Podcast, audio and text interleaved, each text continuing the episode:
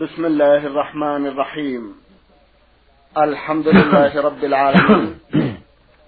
والصلاة والسلام على نبينا وسيدنا محمد وعلى آله وصحبه وسلم.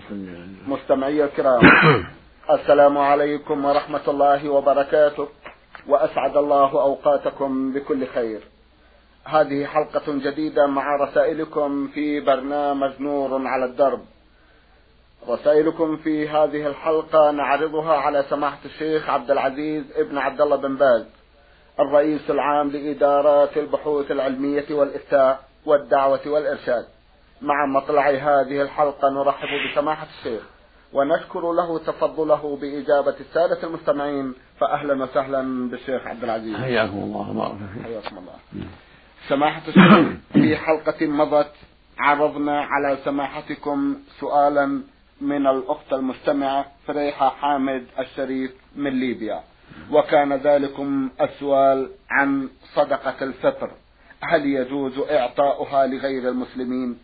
ضاق وقت الحلقة دون أن تتفضلوا ببيان هذا الوجه الشرعي وهذه السياسة الشرعية لإعطاء غير المسلمين من الزكاة.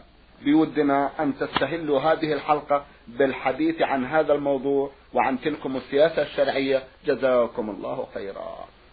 بسم الله الرحمن الرحيم. الحمد لله وصلى الله وسلم على رسول الله وعلى آله وأصحابه ومن اهتدى بهداه.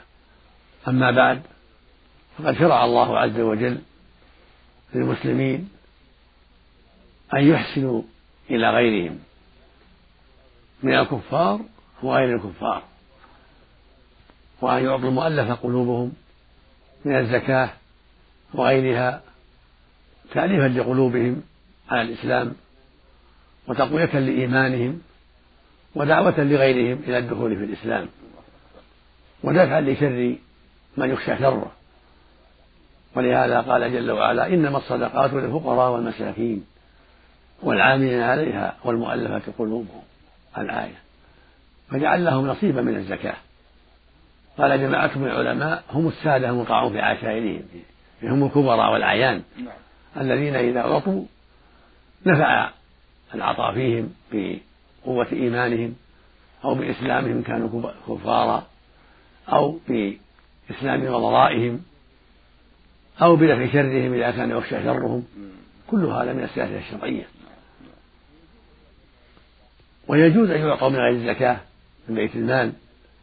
من صدقات المسلمين تأليفا لقلوبهم ودفعا لشرهم إذا خشي شرهم ودعوة لغيرهم إلى الإسلام. قال الله عز وجل في كتابه العظيم في سورة الممتحنة لا ينهاكم الله عن الذين يقاتلكم في الدين ولم يخرجوكم من دياركم أن تبروهم وتقسطوا إليهم. إن الله يحب المقسطين. فأخبر سبحانه أنه لا ينهانا عن هؤلاء الذين لم يقاتلونا في الدين ولم يخرجونا من ديارنا أن نحسن إليهم ونبرهم ونقسط إليهم. لما في ذلك من تأليف قلوبهم وترغيبهم في الإسلام ودفع شرهم إذا خشي شرهم. فيعطوا من بيت المال ويعطيهم المسلمون من أموالهم وصدقاتهم جبرا لحاجتهم وسدا لها وتأليفا لقلوبهم ودعوة لهم إلى الإسلام أو حرصا على قوة إيمانهم كانوا مسلمين وقد ثبت عن النبي صلى الله عليه وسلم اللهم صل عليه أنه قال لأسماء بنت أبي بكر رضي الله عنهما لما قدمت عليها أمها وقال الهدنة وهي كافرة نعم. تريد الصلة والإحسان. قال لها صلى الله عليه وسلم صلي أمك من باب التعليف والإحسان لأمها وهي على دين قومها في حال الهدنة بين النبي صلى الله عليه وسلم وبين أهل مكة. وكان عمر يصل بعض أقاربه في مكة وقت الهدنة رضي الله عنه.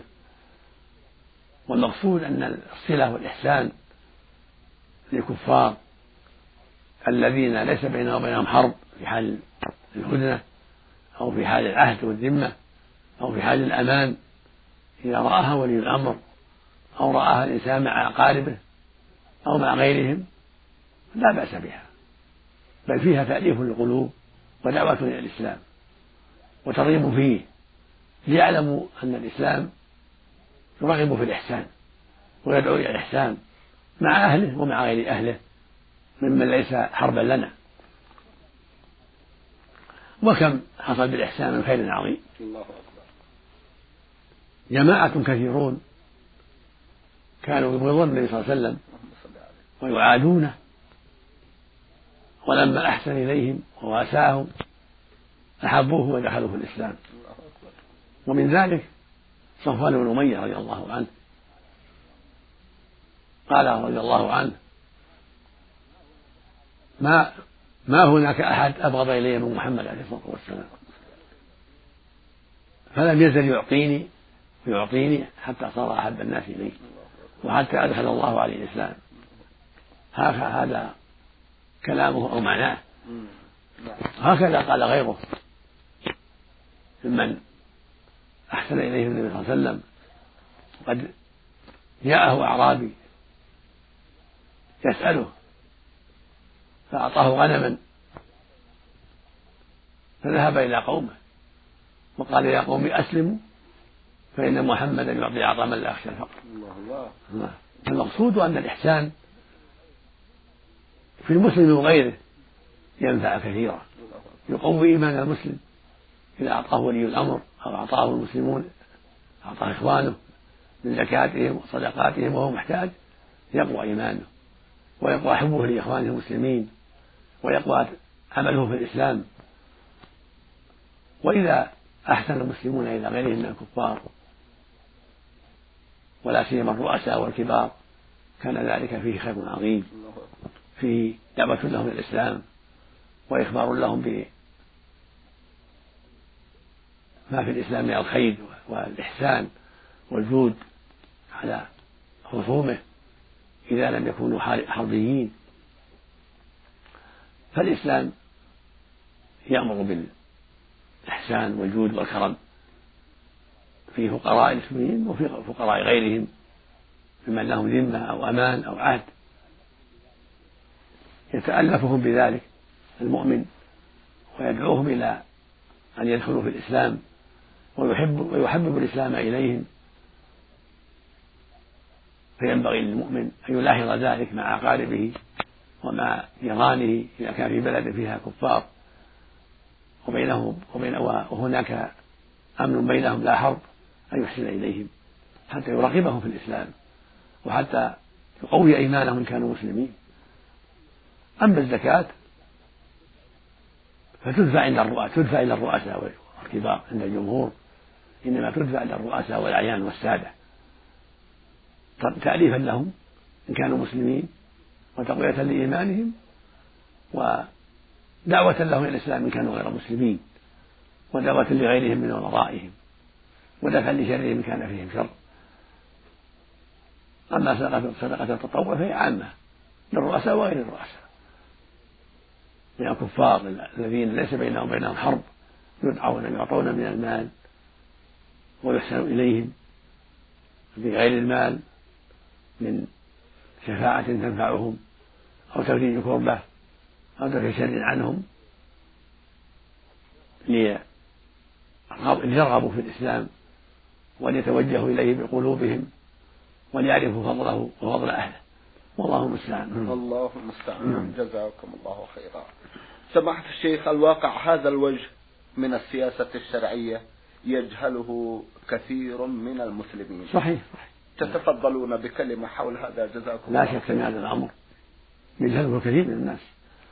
فينبغي أن يعلم ولهذا جعل الله للمؤلفة قلوب حقا في الزكاة وحقا في بيت المال. فعلى ولي الأمر أن يلاحظ ذلك وأن يعتني بالمؤلفة قلوبهم حتى يكونوا عونا للمسلمين وحتى يرغبوا في الإسلام أو يكونوا شره مع المسلمين. وهكذا أفراد المسلمين يحسنون في جيرانهم إذا كانوا في بلاد فيها كفار يحسنون إليهم ويرغبونهم في الإسلام ويعطونهم من صدقاتهم ما يرغبهم في الإسلام. وإذا كانوا من السعادة والكبراء أعطوهم أيضا من الزكاة لعلهم يسلمون أو يسلمون نظراء نظراءهم وأشباههم. نسأل الله يفقه المسلمين في دينه وأن يعينهم على كل خير. جزاكم الله خيرا. جزاكم الله خيرا. تسأل أختنا من ليبيا هذا السؤال فتقول ما حكم الإسلام في الذي يشهد شهادة الزور؟ وما هي كفارة ذلك؟ وإذا كان الشاهد قد تاب إلى الله واعترف بذنبه. جزاكم الله خيرا. شهادة الزور من أعظم الكبائر ومن أعظم المنكرات وهي ظلم للمشهود عليه بالزور. فالواجب على كل مسلم يحذرها وأن يبتعد عنها. لقول الله سبحانه فاجتنبوا الرجس من الأوثان واجتنبوا قول الزور. ويقول النبي صلى الله عليه وسلم في الحديث الصحيح المتفق عليه ألا أنبئكم بأكبر الكبائر؟ ثلاثة. قلنا بلى يا رسول الله. قال الإشراك بالله وعقوق الوالدين. وكان متكئا فجلس فقال ألا وقول الزور؟ ألا وشهادة الزور؟ فما زال يكررها حتى قلنا ليته سكت. إن حتى قال الصحابة ليته سكت. إرفاقا به عليه الصلاة والسلام. لأن لا أشق على نفسه. كررها كثيرا ليحذر منها. لأن بعض الناس يتساهل فيها. وربما يعطى مالا ليشهد بالزور. فالواجب الحذر. وإذا فعل ذلك فالواجب بدرب التوبة. وأن يرجع عن شهادته. ويخبر المشهود عليه بالزور أنه ظلمه ويعوضه عن الظلامة.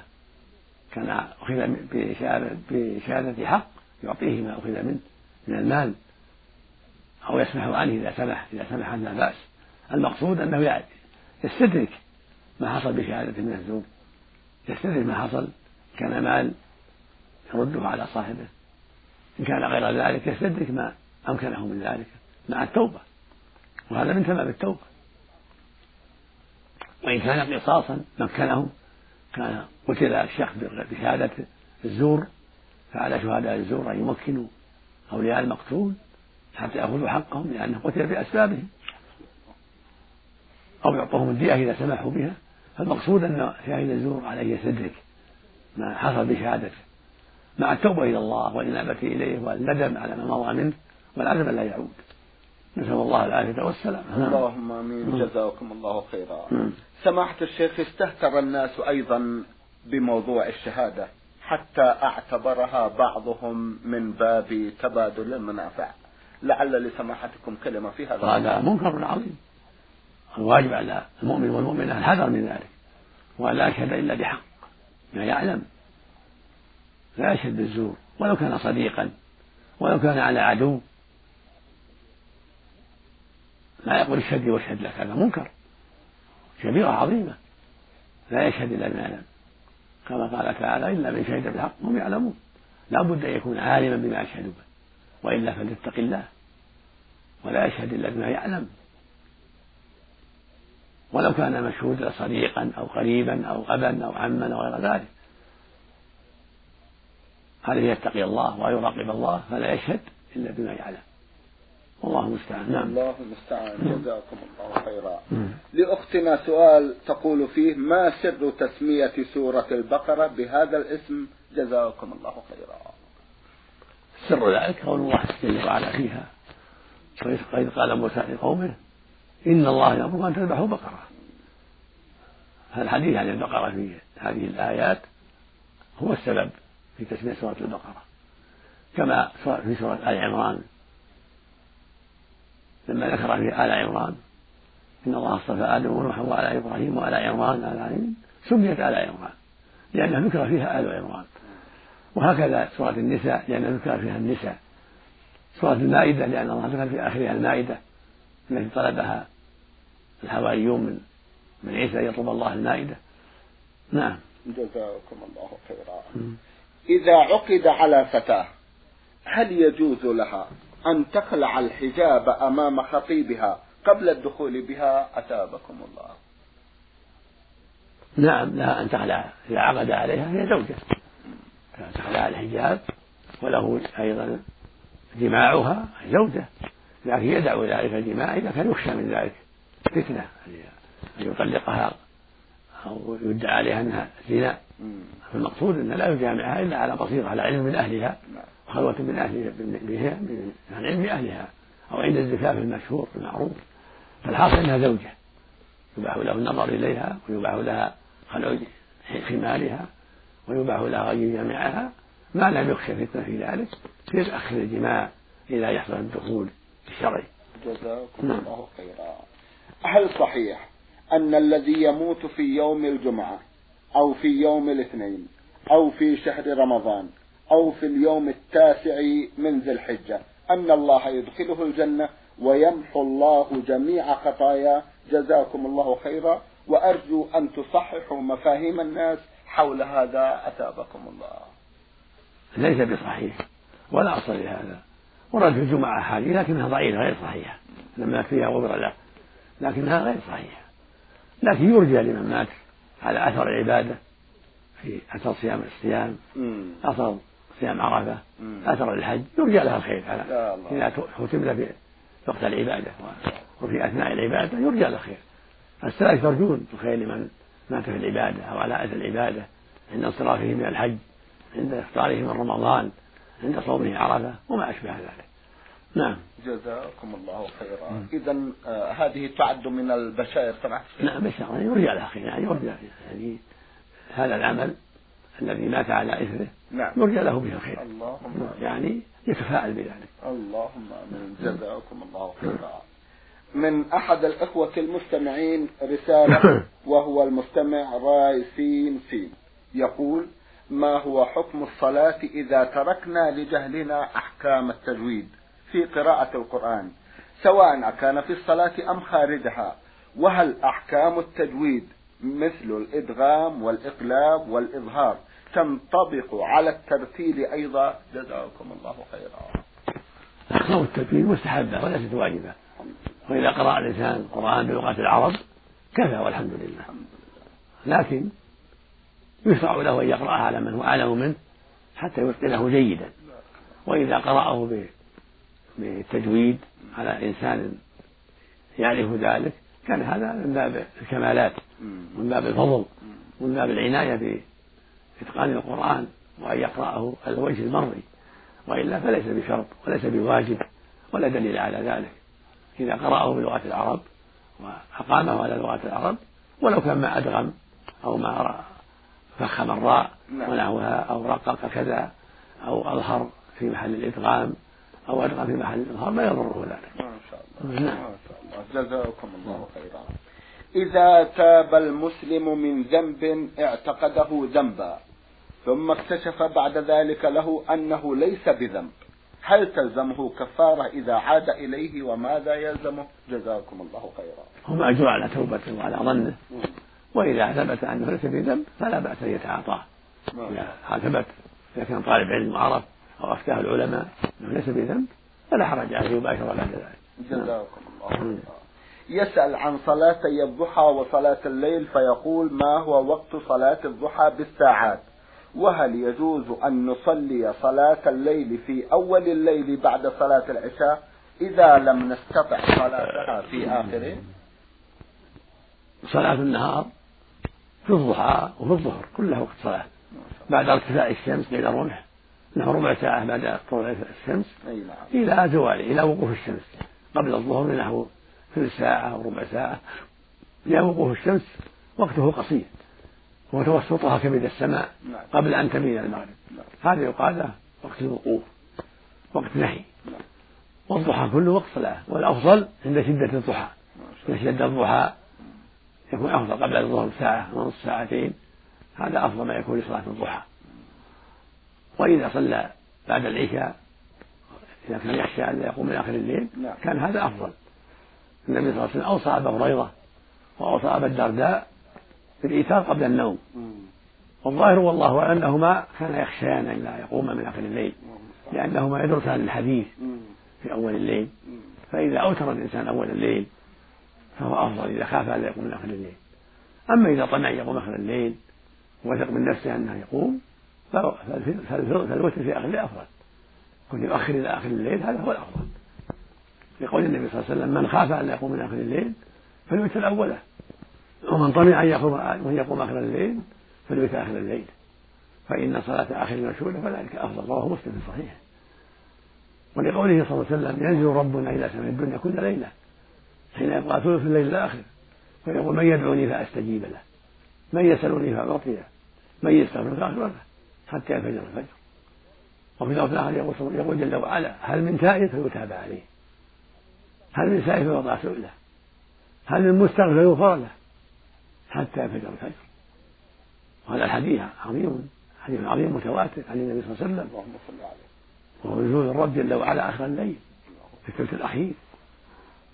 فينبغي لك يا عبد الله أن تكون ممن يعبد الله هذا الوقت. في الصلاة والإستغفار وقراءة القرآن والذكر.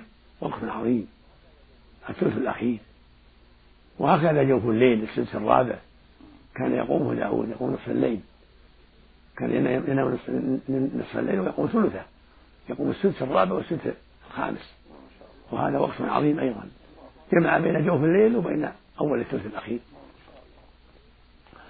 والله سبحانه رغب عباده في العبادة في هذا الوقت. والدعاء والضراعة إليه جل وعلا. فجدر بأهل الإيمان من الرجال والنساء يتحروا هذا الوقت وأن يجتهدوا في قيام الليل ولا سيما في الثلث الرابع والخامس وفي جميع الثلث الأخير بالدعاء والضراعة والصلاة والقراءة والاستغفار كما أرشد إليه سبحانه وتعالى. وهذا النزول يليق بجلال الله ليس من جنس نزول المخلوقين. وهو نزول يليق بالله. لا يشابه خلقه في نزوله سبحانه وتعالى. قال تعالى ليس كمثله شيء وهو السميع البصير. وقال سبحانه ولم يكن له كفوا أحد. وقال عز وجل فلا تضربوا لله الأمثال. فنزوله يليق به لا يشابه خلقه. وهكذا استواءه على عرشه. وهكذا رحمته وغضبه وضحكه. كله يليق بالله لا يشابه خلقه سبحانه وتعالى. وهكذا جميع الصفات. كلها تليق بالله لا يشابه في خلقه سبحانه وتعالى. عملا بقوله جل وعلا ليس كمثله شيء وهو السميع البصير. وهذا قول أهل السنة والجماعة. وهم أصحاب النبي صلى الله عليه وسلم وأتباعه بإحسان. فالزموا يا عبد الله الزم هذا القول وعض عليه بالنواجذ. واحذر اقوال المبتدعة المحرفين لكتاب الله المؤولين لصفات الله أو المشبهين مشبهين الله بخلقه يحذر أقوالهم. فكلها باطلة. والحق قول أهل السنة والجماعة. وهو قول وهو قول أصحاب النبي صلى الله عليه وسلم. وأتباعهم بإحسان. وهو قول قول الأنبياء جميعا والرسل جميعا. وهو الإيمان بأسماء الله وصفاته. الواردة في القرآن العظيم والسنة المطهرة الصحيحة وإظهارها كما جاءت. من غير تحريف. ولا تعطيل ولا تأويل ولا تكييف ولا تمثيل. بل يجب أن نؤمن بها كما جاءت. ونمرها كما جاءت. مع الإيمان بأنها حق. وأن نزوله حق وأن سواءه حق وأن رحمته حق وأن غضبه حق وأن غضبه وأن رضاه حق وأن رحمته حق وهكذا بقية الصفات. من يد وقدم وسمع وبصر وعلم وكلام كلها حق. كلها تليق بالله. لا يشبه لا يشبه فيها خلقه سبحانه وتعالى. فكلامه ليس من جنس كلام خلقه وغضبه ليس من جنس غضبهم وضحكه ليس من جنس ضحكهم ورضاه ليس من جنس رضاهم وهكذا. كل صفات تليق به سبحانه وتعالى. لا يشابه في خلقه لا يعلم كيفية إلا الله سبحانه وتعالى. قال بعض الناس لمالك بن أنس إمام دار الهجرة في زمانه الإمام المشهور والعالم العظيم رحمه الله. قال له بعض الناس يا رسول يا أبا عبد الله يقول الله سبحانه الرحمن على العرش استوى. فأطلق طويلا. ثم قال الاستواء معلوم وكيف مجهول؟ والإيمان به واجب والسؤال بدعة. الإنسان كيفية بدعة. فالاستواء معلوم والعلو. الاستواء هو العلو والفقية فوق العرش. والعلو فوق العرش والارتفاع المعلوم والكيف مجهول؟ كيف استوى؟ ما نعلم كيف استوى.